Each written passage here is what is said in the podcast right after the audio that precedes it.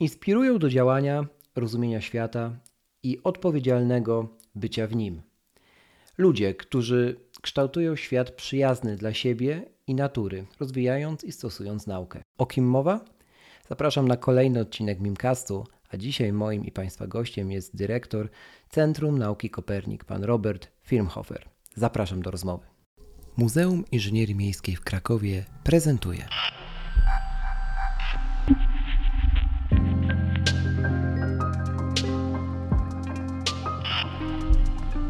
Mimcast. Miasto i my.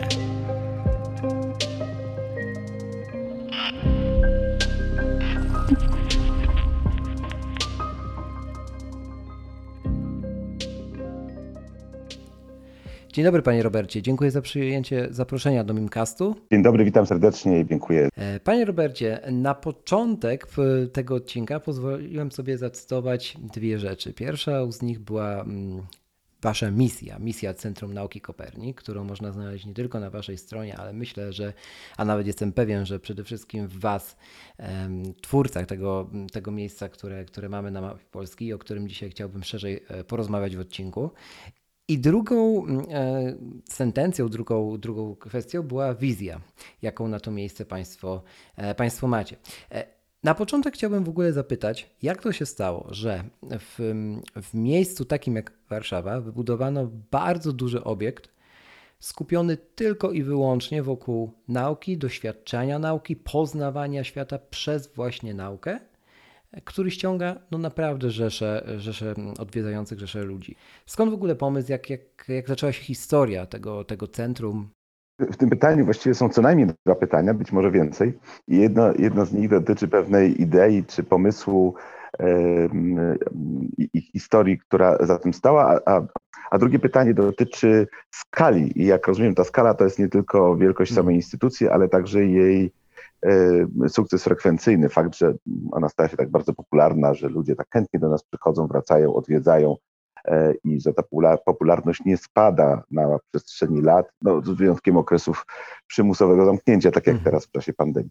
Mm, więc pytanie o ideę y, mm, właściwie y, skłania mnie do odwołania się do historii centrów nauki po prostu. Mhm. Mm, był taki moment, w którym, w którym y, w kilku miejscach na świecie zdano sobie sprawę z tego, że koncepcja takiego klasycznego Muzeum Nauki, które zawiera obiekty i pewną historię opowiedzianą przez kuratorów, mhm. że ona się dosyć wyczerpuje, że ona już nie przyciąga publiczności, nie pełni swojej misji edukacyjnej i w dodatku mm, pokazuje nie tyle naukę, co artefakty nauki, mhm. pewnego rodzaju obiekty, e, które na pewno są przedmiotem naszego dziedzictwa historycznego, kulturowego i naukowego czy technicznego, ale niekoniecznie pokazują, czym jest nauka. Naprawdę, bo nauka nie jest ani laboratorium, ani narzędziami badawczymi, e, ani nawet astrolabium Kopernika. E, to są przyrządy, które służą uprawianiu nauki.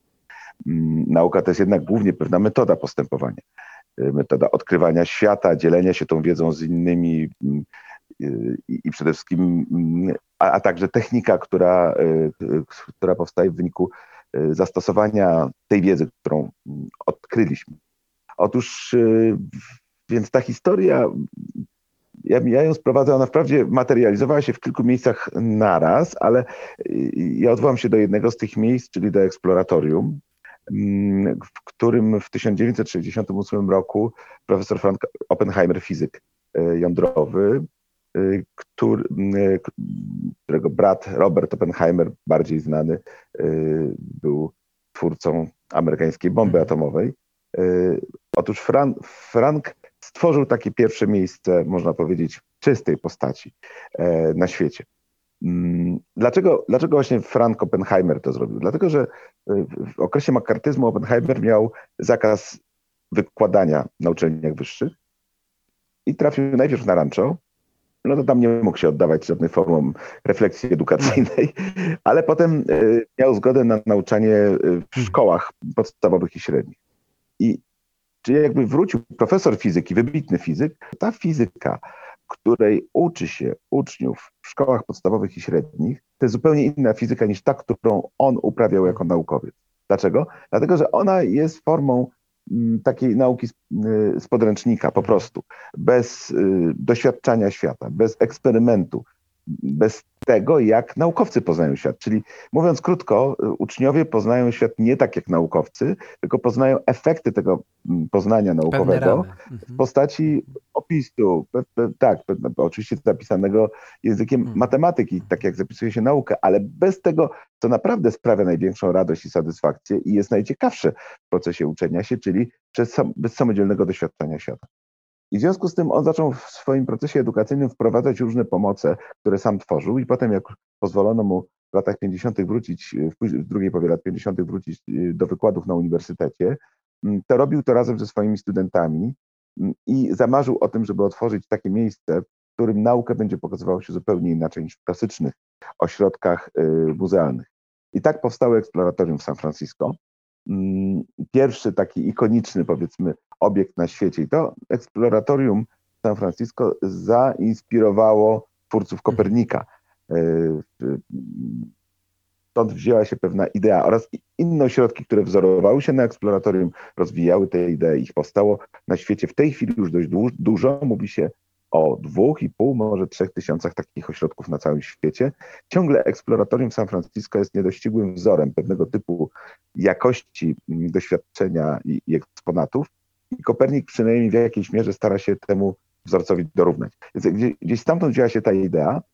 I potem, jak to się udało tutaj stworzyć, bo nikt nie rozumiał, o czym my w ogóle mówimy. E, otóż udało się to stworzyć w ten sposób, że mm, w Warszawie powstał piknik naukowy, także festiwal nauki. Festiwale nauki potem powstały w całym kraju, ale piknik jednak ma głównie charakter warszawski. Mm, I ten piknik był o tyle y, czymś niezwykłym, że on spowodował wyjście nauki na ulicę. Nie, nie po to, żeby demonstrować, żeby maszerować, tylko po to, żeby dzielić się tym, jak naukowcy pracują. Mm, Pomysł pikniku naukowego jest oryginalnie polski, to wymyślił profesor Łukasz Turski. Ja wtedy pracowałem w Polskim Radiu, byłem wicedyrektorem edukacyjnego programu Polski Radio Biz i y, wspólnie stworzyliśmy ten piknik naukowy pierwszy, który okazał się być sukcesem. Mm, I co roku taki piknik naukowy organizowaliśmy przez wiele lat. Pierwszy mm, zorganizowaliśmy w 1997 roku. Idea zbudowania mm, w Polsce takiego interaktywnego Muzeum Nauki, Centrum Nauki, czy eksploratorium polskiego, y, zrodziła się chwilę potem. Popularność pikniku naukowego była tak duża, że nie sposób było jej zlekceważyć. Y, Bo jednak to był ten jeden dzień, so, sobota majowa lub czerwcowa, kiedy na rynek Nowego Miasta i na Podzamcze w Warszawie, y, które nie są najbardziej uczęszczanymi miejscami, dodajmy, to nie jest, to nie jest centrum miasta ścisłe, mm, przych- przychodziło kilkadziesiąt tysięcy osób w ciągu jednego dnia, a mm, wśród naukowców mówimy o 200 stanowiskach wystawienniczych i około 200 instytucjach naukowych z kraju, a potem także z wielu innych krajów e, europejskich i pozaeuropejskich. Piknik stał się największą na świecie imprezą popularyzującą naukę i sukces tego pikniku sprawił, że w pewnym momencie mm, decydenci zaufali nam, profesorowi Truskiemu i mnie, że potrafimy stworzyć coś, czego oni nigdy nie widzieli i nawet trudno im sobie wyobrazić, jak to może wyglądać, ale że posługując się taką metaforą, że to będzie piknik pod dachem, e, zaufali nam po prostu i w ten sposób e, doszło do powołania tego projektu. Tutaj, pozwolę, tutaj sobie pozwolę przerwać na chwilę. Tak, ta jakby metafora pikniku pod dachem rzeczywiście jest szalenie piękna sama w sobie i, i myślę, że fajnie to oddaje, o czym Pan do tej pory powiedział. E, Tak sobie myślę o tym niezrozumieniu koncepcji, e, którą, którą Państwo mieliście. mieliście. E, Czy trochę traktowano to jak taką hybrydę muzeum, czegoś statycznego, próbę, nie wiem, pokazania pewnego rodzaju manifestu nauki, ale w takiej bardzo statycznej formie, podczas gdy Państwo przychodziliście właśnie z tym doświadczeniem empirycznym, tak? E, Z konkretną wiedzą, którą chcieliście móc okazać e, odwiedzającym, mm, móc pozwolić doświadczyć odwiedzającym, tak? Czy tutaj chodziło o, te, o, o, to niezrozumienie, czy może chodziło w ogóle o całą koncepcję tego centrum, centrum nauki jako, jako, jako takiego? Bo nie było czegoś takiego wcześniej. Ja myślę, że chodziło o tę koncepcję empiryczności, co oznacza w praktyce to, to, to doświadczalność Centrum Nauki. Na czym to właściwie polega? No po prostu trudno było sobie wyobrazić coś, czego nikt No nigdy nie tak. widział, E, a bardzo niewiele osób z Polski wtedy odwiedzało centra nauki. Oczywiście w Europie są również centra nauki, ale, ale one nie były jakoś bardzo popularnymi atrakcjami turystycznymi. Najwyraźniej, w każdym razie nie dla naszej publiczności, więc niewiele osób wiedziało, o czym mówimy i bardzo niewiele osób mogło sobie to wyobrazić. Metafora pikniku była mm, o tyle pomocna, że piknik pokazywał faktycznie taką bardzo silną, taką bardzo zaangażowaną publiczność, która częściowo ogląda pokazy, bo jednak w pikniku dominują pokazy, ale także sama angażuje się w jakiegoś rodzaju warsztaty, doświadczenia i że ten typ e, zaangażowania, e, sytuacja, w której emocje towarzyszą mm, poznawaniu świata, to jest bardzo ważne, bo wtedy się lepiej poznaje, po prostu tak działa nasz mózg, mm, było, było takim magnesem przyciągającym do, do tej idei. No tak, i tak sobie myślę, mm, stawiając trochę warunki brzegowe mm, dalszej części tej rozmowy, że po jednej stronie mieliśmy wtedy publikę e, swego rodzaju telewizyjną, takich, takich twórców, jak, twórców jak chociażby Adam Sładowy e, i jego kapitalne mm, e, właśnie programy, które na których ja się też wychowałem, a które pokazują e, czy pokazywały mm, właśnie ten doświadczalny aspekt nauki. Po drugiej stronie mieliśmy muzea i pewnego rodzaju leksykalność właśnie dziedzin naukowych, takich jak chociażby fizyka czy chemia, czyli uczenie się na podstawie podręczników, na podstawie definicji, które trochę w tym naszym systemie edukacji po dziś dzień odbija nam się echem niestety gorszym niż lepszym, ale do tego sobie jeszcze przejdziemy. I w tym momencie wchodzicie Państwo, tak, z Centrum Nauki Kopernik, e, które nie jest programem telewizyjnym, nie jest podręcznikiem, jest miejscem, fizycznym budynkiem, w ramach do którego można wejść i niejako zanurzyć się w szeregu, nie w jednym, ale w całym szeregu rozmaitych doświadczeń z rozmaitych dziedzin nauki. E, I w tym momencie to jest 10 milionów osób, które e, odwiedziło mm, Centrum Nauki Kopernik. No, liczba robi ogromne wrażenie. Zastanawiam się tylko, jak bardzo trzeba być zdeterminowanym i co musi napędzać cały zespół Centrum Nauki Kopernik, żeby do tej liczby mm, dojść w no, wcale nie tak y, długim e, czasie, jakby się mogło wydawać. Co pan myśli sobie rano, budząc się jako właśnie teraz dyrektor Centrum Nauki Kopernik, tak? E, Nawet w 2020 roku mamy, mamy pandemię, jakby możliwości też są ograniczone, to, to jasne. Ale wydaje mi się, że ta wizja to coś, co pcha do, do takich rzeczy wielkich i to jest absolutnie up- uprawnione tutaj to określenie. Mm, To jest coś więcej niż, niż jedna myśl. To jest pewnego pewnie rodzaju em, szereg doświadczeń. Co to jest właśnie?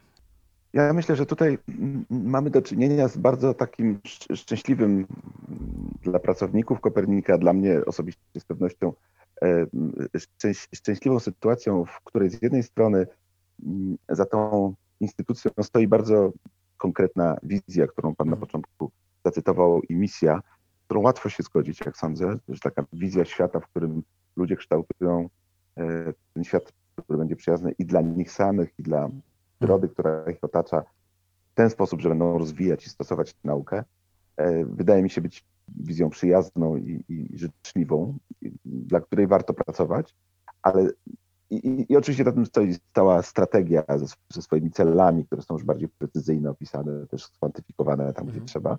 A z drugiej strony, mm, a z drugiej strony wystarczy, że ja pokonam, zerkam w tej chwili, no 8, może 10 metrów ze swojego gabinetu i wychodzę w przestrzeń ekspozycyjną, która dzisiaj jest martwa, jest zamknięta, ale normalnie żyję od poniedziałku do niedzieli przez cały tydzień, przez cały dzień, od rana do wieczora żyję. I, I tam możemy zobaczyć naszych zwiedzających, którzy są w bardzo różnym wieku. Przychodzą malutkie dzieci, same osoby dorosłe, młodzież, która przychodzi tutaj na randki, przychodzą turyści, Mhm. grupy szkolne, osoby z różnych miejsc w całej Polsce i, i, i sporo osób z zagranicy. To jest około 100 tysięcy osób Mhm. rocznie spoza granic naszego kraju. Więc to, ta przestrzeń rozbrzmiewa też różnymi językami. I, na, I te bardzo różne osoby e, mają w oczach to samo. To znaczy mają w oczach zaciekawienie, zafrapowanie, e, namysł i radość. Mhm. To, się na, to, to jest coś, co naprawdę daje bardzo dużą siłę. To znaczy, to daje taką codzienną weryfikację tego, że, że, że warto rano wstać, przyjść do pracy, bo ta praca da nam satysfakcję. Czasem oczywiście ona nie zawsze jest taka radosna. W każdej pracy spotykamy się z wyzwaniami, z trudnościami, trudnościami natury biurokratycznej. Jesteśmy instytucją publiczną, co rzecz jasna czyni sprawy proste, skomplikowanymi, ale mhm. te dwie rzeczy, to znaczy z jednej strony wizja, do której dążymy, i, a z drugiej strony jasny obraz tego, i każdy z pracowników może to w każdej chwili zweryfikować, że to, co robimy, naprawdę ma sens, że ludziom daje to satysfakcję poznawczą, daje im to radość, że ich to interesuje. I te, nie chodzi tylko o te miliony, nie chodzi tylko o tylko to, że przychodzi tak dużo osób.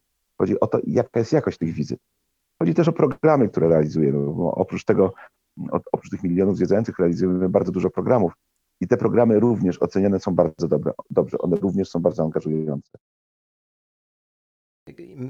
Jakby substancja swojego rodzaju koktajl e, motywacyjny, o, który, o którego składniki wymienił Pan przed chwilą, e, to rzeczywiście jest coś, co, co może napędzać każdego ranka. E, tych randek się nie spodziewałem, powiem szczerze, a to bardzo ciekawy wątek, że w dzisiejszych czasach mogło się wydawać zupełnie skupionych na mediach społecznościowych.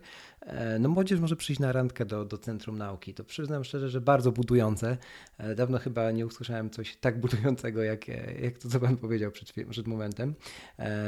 Myślę, że ta nadzieja jednak jest. E, jeśli chodzi natomiast o, mm, o samo to doświadczenie, no bo Centrum, Centrum Nauki ma też e, szereg, szereg programów, o których Pan już trochę tutaj nam wspomniał, ale też szereg e, gotowych doświadczeń, planetarium, chyba z niego jest najbardziej, najbardziej tutaj rozsławione w Polsce i Chciałem się właśnie teraz skupić na tym, co odwiedzający, który przyjeżdża po raz pierwszy, Pana zdaniem do Centrum Nauki Kopernik, mm, może w normalnych czasach, nie mówimy teraz o pandemii, do niej sobie pewnie jeszcze potem przyjdziemy, mm, co odwiedzający może dostać na, e, na dzień dobry? Jakiego rodzaju są to doświadczenia?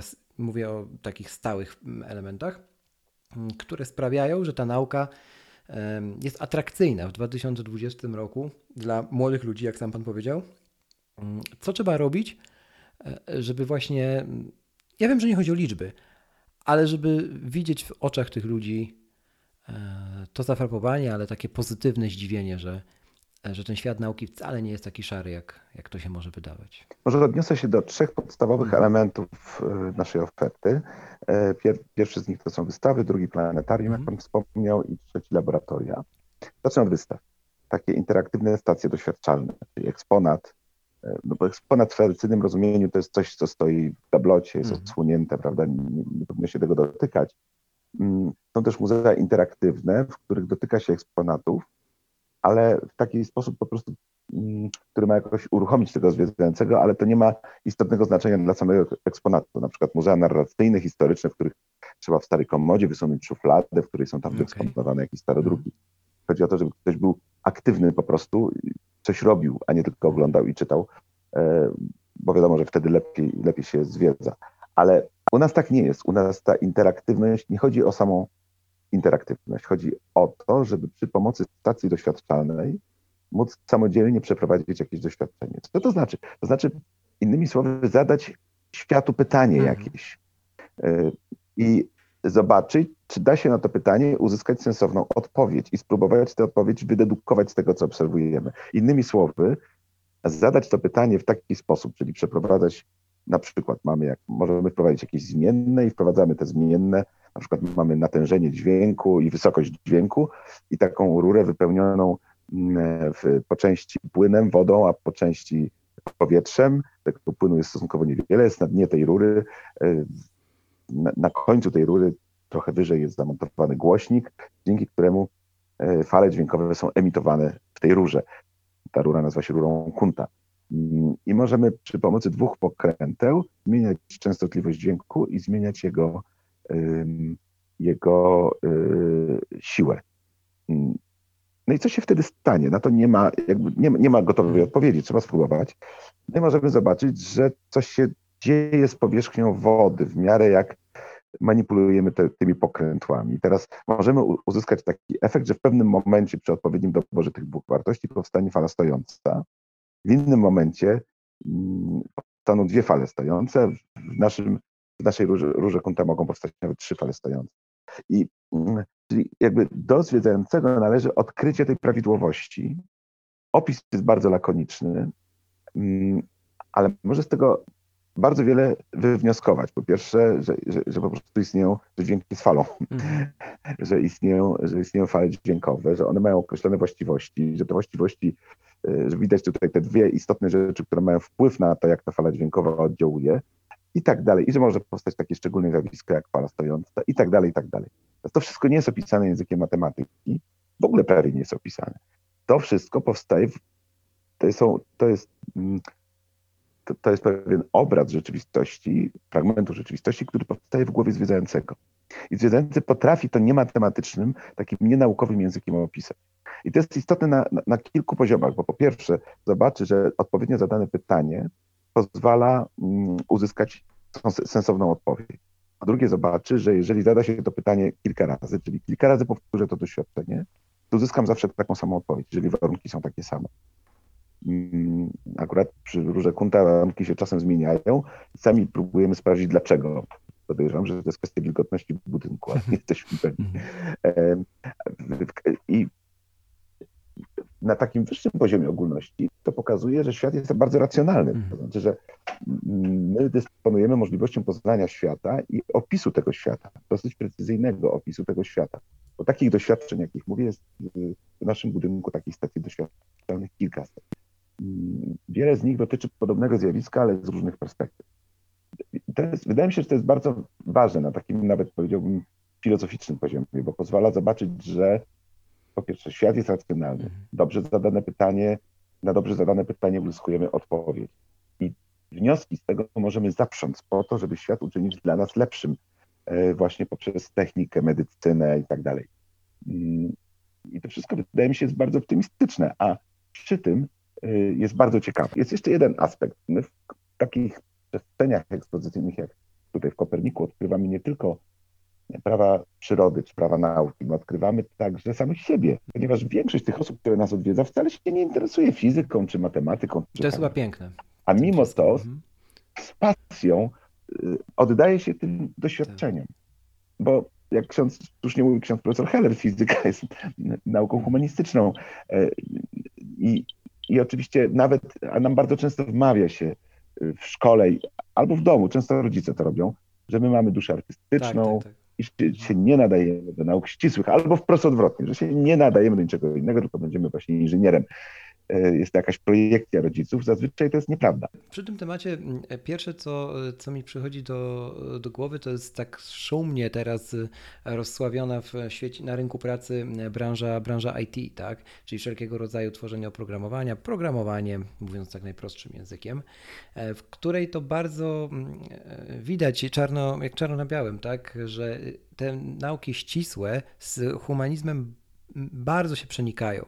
E, przykładem są chociażby menadżerowie wszelkiego rodzaju, tak, którzy owszem, bardzo często są osobami z technicznym wykształceniem, ale mimo tego mm, pewnego rodzaju umiejętności miękkie, tak zwane, e, lub po prostu skręt w kierunku humanizmu pozwalają im, to właśnie one pozwalają im wykonywać tę pracę tak dobrze, jak ją, jak ją wykonują, a nie skomplikowane działania czy, czy doświadczenia. I myślę, że w wielu branżach będzie to teraz widać, zwłaszcza w czasach, kiedy robotyzacja nam postępuje.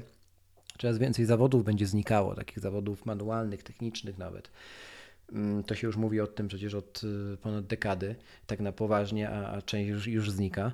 Mm, I mówi się, że ostatnie, mm, ostatnim bastionem który, ludzkości, który się obroni przed robotyzacją, to będzie ten bastion, którym no właśnie będzie liczył się humanizm, tak? będzie liczyła się istota ludzka, e, człowiek jako złożoność pewnego rodzaju charakteru, emocji, e, właśnie pakietu doświadczeń, które, które on przez całe życie zdobył i który to pakiet pozwala mu mm, na otaczającą rzeczywistość reagować w ten lub inny sposób. Tak? I tego maszyny będzie trudno nauczyć. Myślę, że takie miejsca właśnie jak wasze mm, mogą pomóc, zwłaszcza teraz bardzo młodym osobom, przejść z tego takiego modelu, mm, modelu edukacji podręcznikowej do tej doświadczalnej. To tak, tak na pierwszy rzut oka to przychodzi mi na, na myśl to to, co się mówi o, o nauce na zachodzie, tak, nauce w Stanach Zjednoczonych chociażby, tak, że tam Amerykanin potrafi być ekspertem na temat jednej konkretnej dziedziny albo poddziedziny tej dziedziny i on będzie na, na jej temat wiedział wszystko, ale niekoniecznie zależy mu na tym, żeby być ekspertem we wszystkim. W Polsce trochę to kuleje do dziś. Raczej próbujemy celować w edukację mm, wielopoziomową, wielowątkową. No i coraz więcej młodych ludzi mm, mówi o tym, że tak naprawdę nie wie po co im ta edukacja jest, do czego ona ma im się przydać, skoro nie pozwala im się e, w tym modelu, a nie innym, tak, e, realizować tego, czym się naprawdę interesują. Jak pan się na to zapatruje i czy może to nie jest tak, że w tym doświadczeniu, właśnie w tym doświadczalnym modelu poznawania świata, pojmowania świata, chłonięcia go, jest to miejsce, którego, którego teraz młode osoby szukają. To miejsce na nich, na ich osobowość, ich ja. Okej, okay, tu jest kilka ciekawych wątków, które Pan poruszył, więc ja spróbuję przynajmniej do niektórych z nich się odnieść. Mm, w Stanach Zjednoczonych edukacja jest bardzo dziwna, bo z jednej strony ta edukacja powszechna na poziomie podstawowym i mhm. średnim chodzi raczej za słabą. Mm znaczy przy dosyć dużych nakładach na edukację efekty edukacyjne są dość mhm. niskie. Oczywiście trzeba na to nałożyć zróżnicowanie amerykańskiego społeczeństwa, mhm. jego etniczność, wieloetniczności. To jest bardzo, to jest bardzo skomplikowane. Nie ma sensu porównywać tego do, do, do takiej sytuacji mhm. społecznej, jaką mamy w Polsce, ale generalnie rzecz biorąc, e, Amerykanie sami są świadomi tego, że ich edukacja powszechna jest na dość niskim poziomie, jak na kraj o takim poziomie zaawansowaniu technologicznym i cywilizacyjnym, jak na największe mocarstwo światowe. Mm, I bardzo starają się to zmienić i poprawić na różne sposoby, między innymi wprowadzając takie modele jak mm, kompetencje XXI wieku, 21st Century Skills, idące za tym mm, takie powszechne standardy edukacyjne, które miały być nie tylko, edukacja jest domeną, y, domeną stanową, nie federalną, ale miały być także na poziomie stanowym wprowadzane w życie. Z drugiej strony amerykańskie uniwersytety są niewątpliwie najlepsze mm. na mhm. świecie, to, to wiemy z całą mm. pewnością. Zarówno jeśli od strony dydaktycznej, jak i od strony naukowej. Mm, pytałem kiedyś mm, takiego zaprzyjaźnionego profesora astronomii z Berkeley, który pracuje na co dzień w obserwatorium Mount Wilson, czyli znowu jed, jeden, na pewno pierwsza piątka uniwersytetów na świecie i jedno z najlepszych obserwatoriów astronomicznych na świecie. Jak pogodzić te dwie rzeczy? Że, jak, jak, to jest dla mnie jakiś paradoks. To wynika z tego, że po prostu amerykańskie uniwersytety są takim znakomicie prowadzonym biznesem, który przyciąga najlepszych mhm. studentów z całego świata i najlepszych naukowców z całego mhm. świata, co też jest prawdą tak. oczywiście. I on powiedział, że jego zdaniem to nie to jest kluczowe. Jego zdaniem kluczowe jest to, że w Stanach można mm, zmienić kierunek swoich zainteresowań i dołączyć, na przykład zostać naukowcem, w zasadzie nie tylko w dowolnym momencie swojej kariery edukacyjnej, ale także w dowolnym momencie swojego życia. I jako przykład taki dosyć ekstremalny podał mi swojego kolegę, z którym dzieli pokój, jak rozumiem również profesora astronomii w Berkeley, który mm, był jakimś kiepskim uczniem, e, zszedł na złą drogę, e, został skazany, wylądował w więzieniu, tam nie miał co robić, zainteresował się astronomią. I po wyjściu z tego więzienia tak się stało, że został profesorem astronomii. Oczywiście nie od razu, ale fakt, że był w więzieniu, w ogóle mu w tym nie przeszkodził. To jest kariera, która jest trudna do wyobrażenia w jakimkolwiek kraju europejskim. Teraz myślę sobie o mm, słynnym, słynnym y, fińskim modelu edukacji, który z kolei uchodzi za absolutne przeciwieństwo amerykańskiego modelu, zarówno poprzez swój egalitaryzm. Y, model amerykański jest bardzo oparty na elitarności, a model fiński jest oparty na całkowitym egalitaryzmie, na całkowitej równości. I z drugiej strony w modelu fińskim nie ma egzaminów, jak wiemy. Pierwszym egzaminem jest matura obowiązkowym. Nauczyciele dysponują bardzo dużą swobodą, są uważani za twórców i traktowani tak samo jak naukowcy. Mm, no i edukacja fińska generalnie uchodzi za najlepszą edukację na świecie. Mm.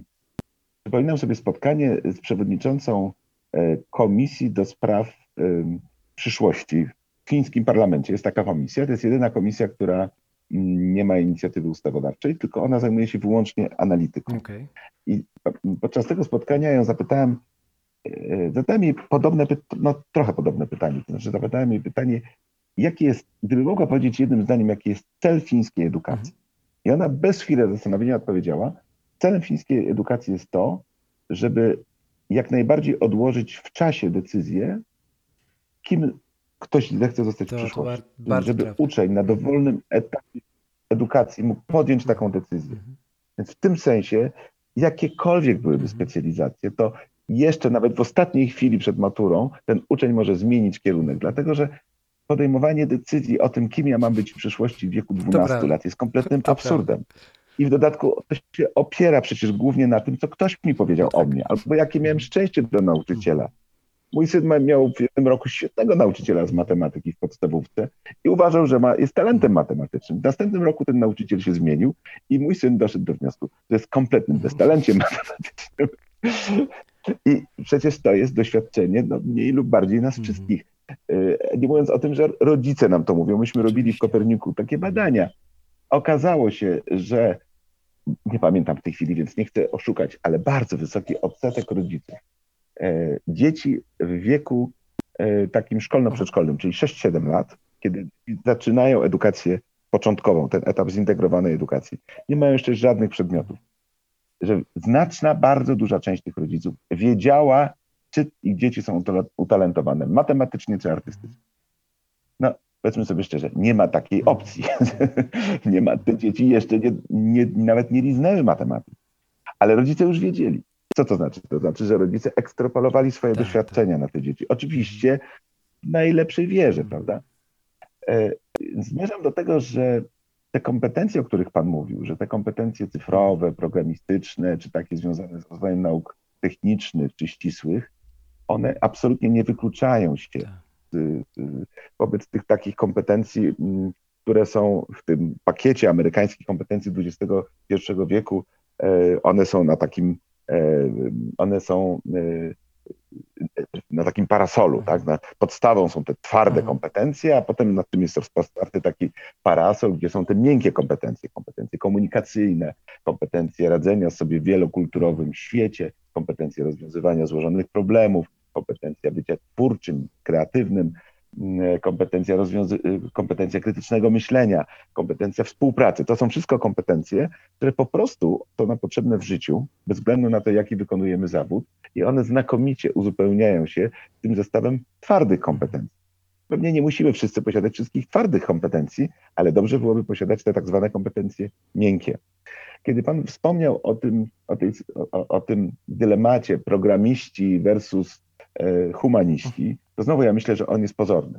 Tak, Mm, zdecydowanie W jest. tej chwili pracujemy nad koncepcją, pracujemy nad koncepcją nowej wystawy, y, która jest zupełnie inna od tej, o której opowiadałem do tej pory. Ta wystawa ma opowiadać o przyszłości, ale o tej przyszłości, którą miejscami już widać, można dostrzec wokół nas dzisiaj. Jak, jak mówił Wi- William Gibson, e, przyszłość jest już dziś, tylko nierówno rozłożona. Unevenly distributed. I tak jest trochę, to znaczy, że w niektórych punktach możemy dostrzec te trendy, które na razie są zastosowane tylko punktowo, a za 10 czy 15 lat będą masowe i powszechne. No dzisiaj mm, powiedzmy samochód autonomiczny jest czymś takim. Widzieliśmy, że one jeżdżą po Kalifornii i trochę w Hiszpanii, w Europie, ale zasadniczo to jest jeszcze bajka. Ale za 10 lat pewnie będą jeździć po ulicach Warszawy. Mhm. Więc y, y, i, i oczywiście to samo dotyczy sztucznej inteligencji, która będzie nas zastępować w bardzo wielu kwestiach. No znowu słyszeliśmy o tym, że, y, że, że, że, że jedna z tych wielkich światowych firm technologicznych zastosowała, zrobiła taki eksperyment i, i ktoś zamawiając jakąś usługę nie miał świadomości tego, że rozmawia ze sztuczną Mhm. inteligencją, co generalnie uważa się za nieetyczne. Mm, No i zaraz się z tego wycofano oczywiście, ale przecież to już jest dzisiaj, tak? To już jest możliwe. E, tylko jeszcze ciągle nie jest bardzo powszechne, ale coraz powszechniejsze. W tej nowej wystawie, której między innymi będziemy, jeden, jeden z działów tej wystawy będzie nazywał się Cywilizacja algorytmów i będzie dotyczył właśnie obecności sztucznej inteligencji w naszym życiu, chcemy zastanowić się nad tym, co, nad tym aspektem społecznym i humanistycznym e, postępu nauki i, i postępu techniki. Na przykład będziemy przyglądać się sztuce tworzonej przez sztuczną inteligencję i zastanawiać się, jaka jest definicja sztuki, jaka jest definicja twórcy. Mhm. Mm, Francuskie Stowarzyszenie ym, y, Twórców i Artystów, taki odpowiednik polskiego ZAX-u, przyznało uprawnienia do e, praw autorskich po raz pierwszy algorytmowi, który komponuje muzykę. Ten algorytm będzie mógł także otrzymywać tantiemy i tak dalej. To jest jak, jakiś przełom, prawda? To Tak. jest jakaś początek redefinicji. E, No i pytanie, gdzie są granice tej ingerencji, tej, tej relacji, na co jesteśmy w stanie się zgodzić, zastosowanie sztucznej inteligencji w medycynie e, albo w edukacji. To jest nie, to są, tam jest bardzo dużo nietrywialnych pytań, nie tylko natury prawnej, ale przede wszystkim takiej natury społecznej. Odpowiedź na te pytania należy do nas, że to musimy być tego pewni, e, że nie ktoś za nas decyduje, nie politycy, nie twórcy oprogramowania, to my musimy być świadomi tego, jakie podejmujemy To decyzje. ja podam to, ja tutaj odwrócę to, to od strony em, tej takiej też przewijającej się dyskusji przez rozmaite media branżowe i też przez świat nauki, dyskusji na temat em, e, siły danych. Tak? Mówi się, że dane, dane, różnego rodzaju dane są obecnie e, czymś, są nowym złotem, mówiąc zupełnie wprost, czy nową ropą. Niektórzy nawet e, zwiastują nadejście nowej religii, tak zwanego dataizmu, mm, w których to właśnie dane e, przetwarzające same siebie tak naprawdę nawzajem e, będą, będą napędzały ten świat i, i powodowały to, w, jak my jako ludzie w nim egzystujemy. Tylko to wszystko, te wszystkie teorie, te wszystkie rozważania sprowadzają się do tego, że mm, właśnie do jednostki, o, o czym Pan wspomniał, że ktoś te dane musi dostarczyć, ktoś za tymi mm, danymi stoi w rozumieniu sekwencji czynności, które podjął, żeby mm, stworzyć ten, a nie inny model, tak? E, Nikt za nas nie, nie zdecyduje o wyborze ścieżki kariery, nikt za nas nie, nie użyje tej konkretnej aplikacji lub funkcji w danej aplikacji i tak dalej, i tak dalej. I te wszystkie właśnie dyskusje zawsze kończą się na, na człowieku jako na jednostce. I dlatego mm, mi o, prywatnie wydaje się, że e, ten, w tym momencie będziemy mieli trochę powrót, taki renesans trochę humanizmu, bo świat zda sobie sprawę, zresztą to się już dzieje, słynne, e, słynne sprawy z Cambridge Analytica, e, z fake newsami i tak dalej. E, Za, za tym wszystkim może stoją skomplikowane algorytmy, ale tak naprawdę tym decydentem, który te algorytmy karmi, e, no jest człowiek, tak? I kondycja psychiczna, e, wykształcenie tego człowieka, em, to jak on się czuje w świecie, w którym żyje, to jest tak naprawdę początek tego całego łańcucha. Nie, nie wiem, czy się pan zgodzi w ogóle z tą teorią. Tak, tak mi się wydaje. Znaczy, mnie się zdaje, że to jest mm, dane w świecie internetu rzeczy, dane są generowane przez urządzenia, Mhm. bez naszego udziału w zasadzie. I są przesyłane przez urządzenia między sobą, które następnie je analizują, e, agregują i na tej podstawie algorytmy podejmują decyzje o, e, o różnych działaniach, tak jak w tej chwili algorytmy podejmują decyzje o e, bardzo wielu operacjach na giełdach, prawda? To jest Mhm. powód, dla którego serwerowni umieszcza się jak najbliżej fizycznie giełd, żeby czas on jest mili, li- tak liczony w milisekundach, ale to jest bardzo ważne na giełdzie, żeby ten czas, kiedy te decyzje y, i te dane przebiegają, był jak najkrótszy. Więc, mm, więc my możemy zmierzać do takiego świata, który jest maksymalnie zautomatyzowany Mhm. i zalgorytmizowany. Tylko pytanie dokładnie, jaki jest cel tego? To znaczy, co chcemy w ten sposób osiągnąć? I teraz oczywiście są dwa podstawowe czynniki, które, mm, które są tutaj motorem y, rozwoju tych, tych technologii. Y, Jeden czynnik to są, y, to są korporacje, to są firmy po prostu, które na tym zarabiają, bo sprzedają swoje produkty i tak dalej, i tak dalej, mają lepsze możliwości marketingu. Mm, A drugi to jest, y, to są politycy. Y, mm, Nawet w krajach demokratycznych, Mhm. mm, jak widać, y, y, ta pokusa jest bardzo silna. Co dopiero w krajach niedemokratycznych, takich jak Chiny, prawda, gdzie, y, gdzie na, na przykład Cambridge Analytica za tym stoi, jak wiadomo, polski naukowiec, prawda? Znaczy nie za, nie za tą aferą, tylko za odkryciem Mhm. Tego, jakie dane możemy uzyskać, stosując standardowe testy psychologiczne w odniesieniu do, do, do danych pozyskiwanych y, z mediów społecznościowych. Y, I jaki, jak wysoki jest poziom precyzji y, informacji o danej osobie i profilu psychologicznego. Na przykład bardzo łatwo możemy z bardzo wysokim poziomem prawdopodobieństwa możemy uzyskać informacje o orientacji seksualnej danej osoby na podstawie jej zestawu zdjęć z profilu facebookowego, co wydaje się być nieprawdopodobne. Mm, To, to wywołało pewne oburzenie, ta informacja, no ale tak jest po prostu. Teraz wyobraźmy sobie, y, okej, w kraju demokratycznym to nie ma znaczenia, być może to oznacza sprofilowanie jakichś mm, produktów, ale kraju niedemokratycznym, przecież są kraje na świecie, gdzie za homoseksualizm kar karze się śmiercią. Więc y, rządy takich krajów mogłyby wykorzystywać takie narzędzia do tego, żeby y, swoich obywateli niewolić i karać. I to dokładnie, akurat nie ten przykład, ale to właśnie obserwujemy w Chinach, które nie bez powodu bardzo mocno zainwestowały y, w, algorytm, w algorytmy sztucznej inteligencji, w rozpoznawanie wizerunku, twarzy. Słynna była historia, że na stadionie wypełnionym kilkudziesięcioma tysiącami widzów sztuczna inteligencja rozpoznała przestępcę, który został zidentyfikowany i aresztowany. Okay. Więc teraz rzecz w tym, że ta technologia sama w sobie ani nie jest dobra, ani nie jest zła. Sposób, w jaki ją wykorzystujemy, może być dobry lub zły. Więc teraz tak sobie wyobrażam, że rola instytucji takiej jak Centrum Nauki Kopernik, jak nowoczesne muzeum, które zajmuje się budowaniem relacji pomiędzy społeczeństwem a człowiekiem, a przepraszam, społeczeństwem a, a nauką i techniką, powinno być bardzo na to wrażliwe i powinno stanowić, y, stworzyć także takie forum y, społecznego namysłu, społecznej refleksji nad tym, jak współczesna technika jest wykorzystywana y, w naszym życiu społecznym. W jaki sposób możemy chronić swoją prywatność, w jaki sposób chronić się. No, no Cambridge Analytica też pokazuje, że mm, dla celów politycznych ten marketing oparty na mikrodanych i na kampania Trumpa to bardzo wyraźnie pokazała. Przecież jego mhm. sukces wynikał z tego, mhm. że z jednej strony myśmy obserwowali jego publiczne wypowiedzi, które były kompletnie niespójne. Rano mówił co innego niż po południu, w poniedziałek co innego niż we wtorek i cały czas zyskiwał w sondażach. No tak, bo on mówił do różnych grup odbiorców i on mówił to tylko po to, żeby wesprzeć mechanizmy bezpośredniego marketingu w tych grupach odbiorców.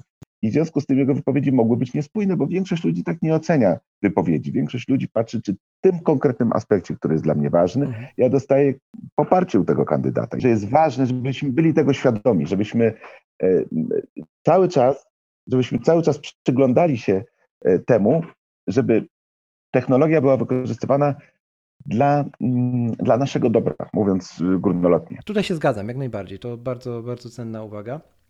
Wracając do samego e, centrum jeszcze, e, no bo nie mamy za sobą na pewno e, czasów, które, który nam, z którymi przyszło nam się zmierzyć w 2020 roku. Mm, jesteśmy ograniczeni, jeżeli chodzi o, o przemieszczanie się w wielu miejscach na świecie, no ale też nadal jesteśmy głodni nauki. E, wiem, że e, Centrum Nauki e, Kopernik miało taką inicjatywę, która nazywała się Smart Bee Club. Ona polegała, była swego rodzaju innowacją w świecie, w świecie dotarcia, prób dotarcia z nauką do, do odbiorców. Tak naprawdę była subskrypcją na, na naukę. Tak? Jeszcze trochę za, zaraz pewnie Pan więcej o tym, o tym nam opowie. Zastanawiam się, czy Wy jako Centrum Nauki Kopernik planujecie na kolejne lata skręt właśnie albo wyjście z samego budynku Centrum Nauki, który, jak powiedzieliśmy już wcześniej, jest unikatowy i jest pewnego rodzaju elitarny, do domów, po prostu do domów, bo być może, że taka, taka będzie potrzeba e, zadana, potrzeba chwili, tak? Zastanawiam się, czy, czy już coś w tym kierunku działacie, Państwo myślicie. Kopernik rzeczywiście rozwija podobne inicjatywy od kilku lat w pierwszej kolejności rozwijaliśmy takie inicjatywy, których mm, tego rodzaju zestawy naukowe były adresowane do szkół. W szkołach ich brakuje. Szkoły mm, niekiedy mają laboratoria, ale dość rzadko wyposażenie laboratoriów często jest kosztowne. Mm, nauczyciele obawiają się używać tego wyposażenia, żeby go nie uszkodzić, nie zniszczyć, bo ono jest trudne do tworzenia.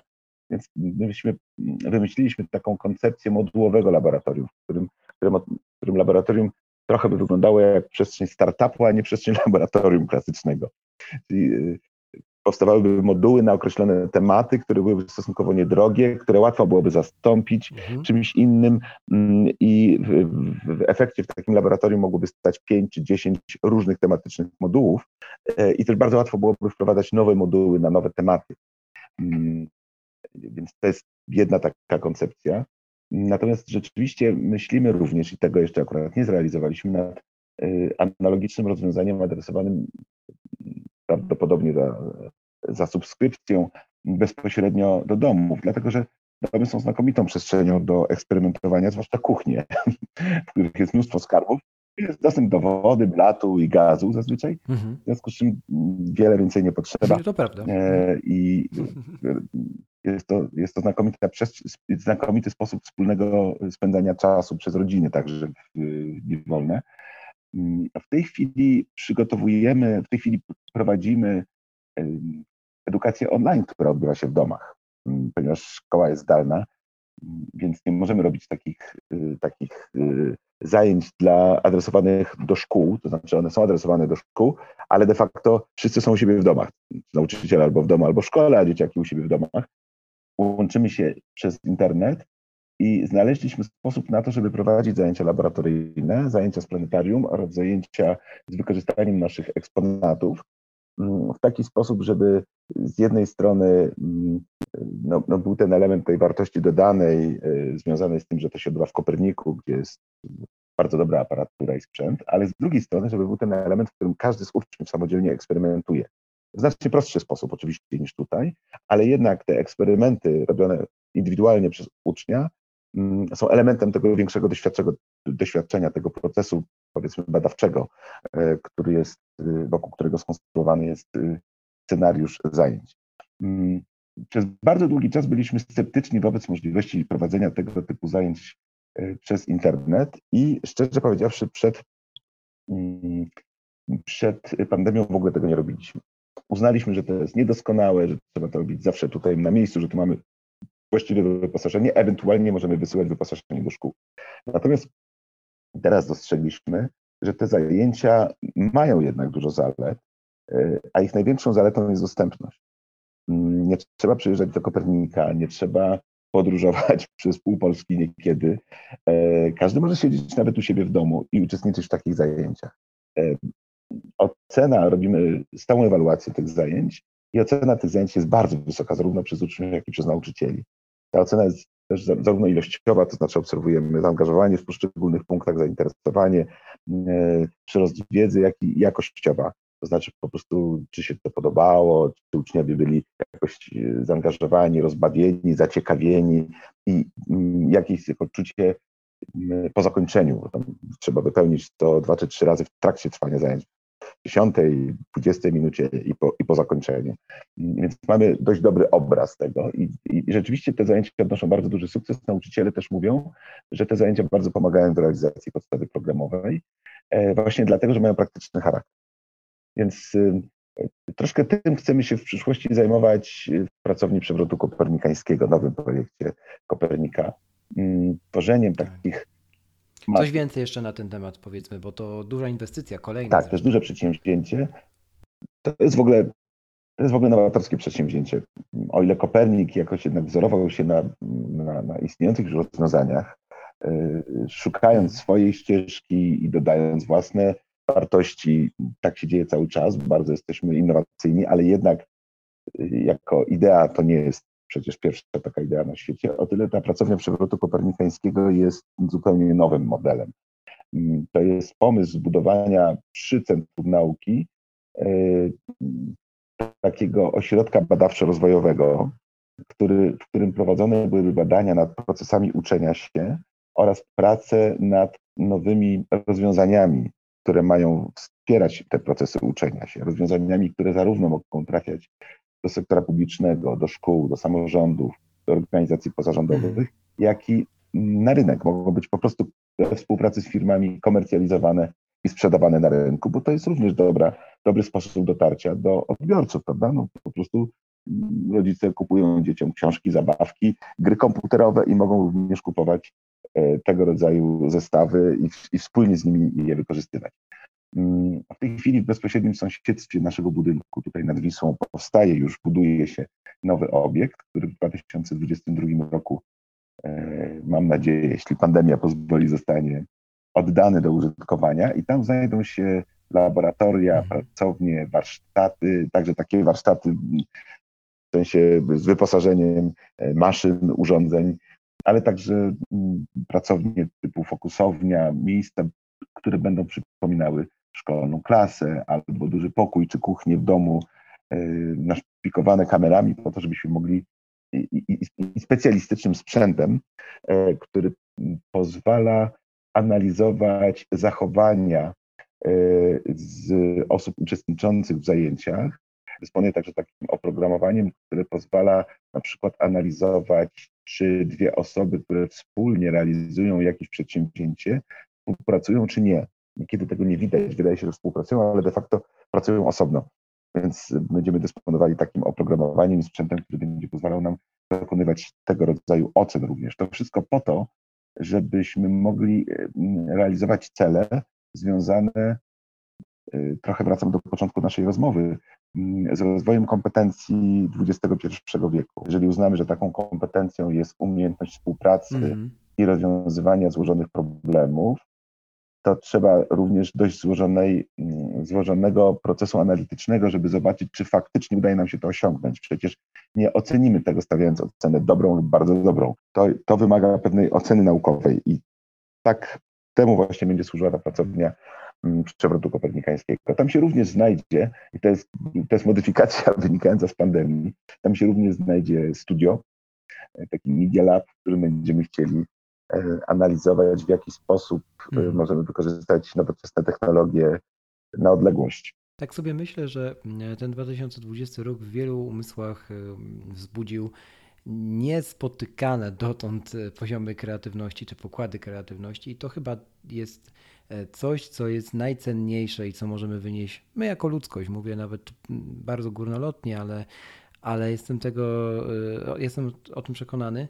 Mm, z tego, z tego epizodu, jakim jest 2020, nikt nie wie, czy również nie 2021, więc chyba ta gotowość na zmianę to jest taka kompetencja, która teraz w najbliższych latach, na pewno po 2020 roku będzie, będzie rozwijana, będzie mm, może to tak zabrzmi dziwnie, ale reklamowana na wielu frontach e, jako najważniejsza dla, dla nas jako ludzi. E, I w tym może, mogą pomóc właśnie takie miejsca jak, jak Centrum Nauki e, Kopernik czy, czy pozostałe centra nauki na, na świecie. Czego życzyć w takim razie panu jako, jako dyrektorowi całego tego przedsięwzięcia, osobie, która gdzieś tym wszystkim mm, włada na, na przyszłe lata? Czy jest jeszcze coś takiego, co jest swego rodzaju marzeniem, jakimś celem, wizją, do której, do której chciałby Pan dążyć w przyszłości? Tak, no mamy kilka marzeń, nie ukrywam, a nawet takich marzeń, które, to są, dobrze. które są to bardzo nawet opisane w naszym planie strategicznym, czyli czymś, do czego chcielibyśmy dążyć. Jednym z nich jest y, właśnie y, stworzenie takiej bardzo dobrej wystawy, która pozwoli nam się mierzyć z, wyzwa z wyzwaniami i z szansami przyszłości. Hmm.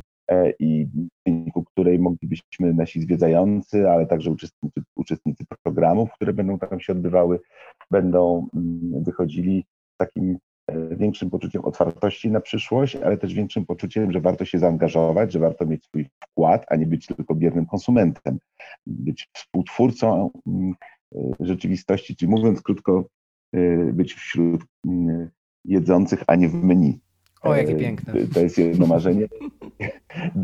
Drugie, drugie marzenie to jest stworzenie e, wokół Kopernika ogrodu różnorodności biologicznej. Chcielibyśmy, to jest, mm, to jest bardzo trudny teren, położony nad tunelem Wisłostrady, więc mamy tutaj metr gleby, miejscami dwa metry, nie więcej, miejscami tylko pół metra. Chcielibyśmy pokazać, że nawet w tak ekstremalnych warunkach, bo to są przyrodniczo ekstremalne warunki, mm, stworzyć zieloną przestrzeń, która nie odpowiada estetycznemu standardowi gładko wystrzyżonej trawy, której nie ma prawie mhm. życia, tylko taką przestrzeń, która podtrzymuje różnorodność życia.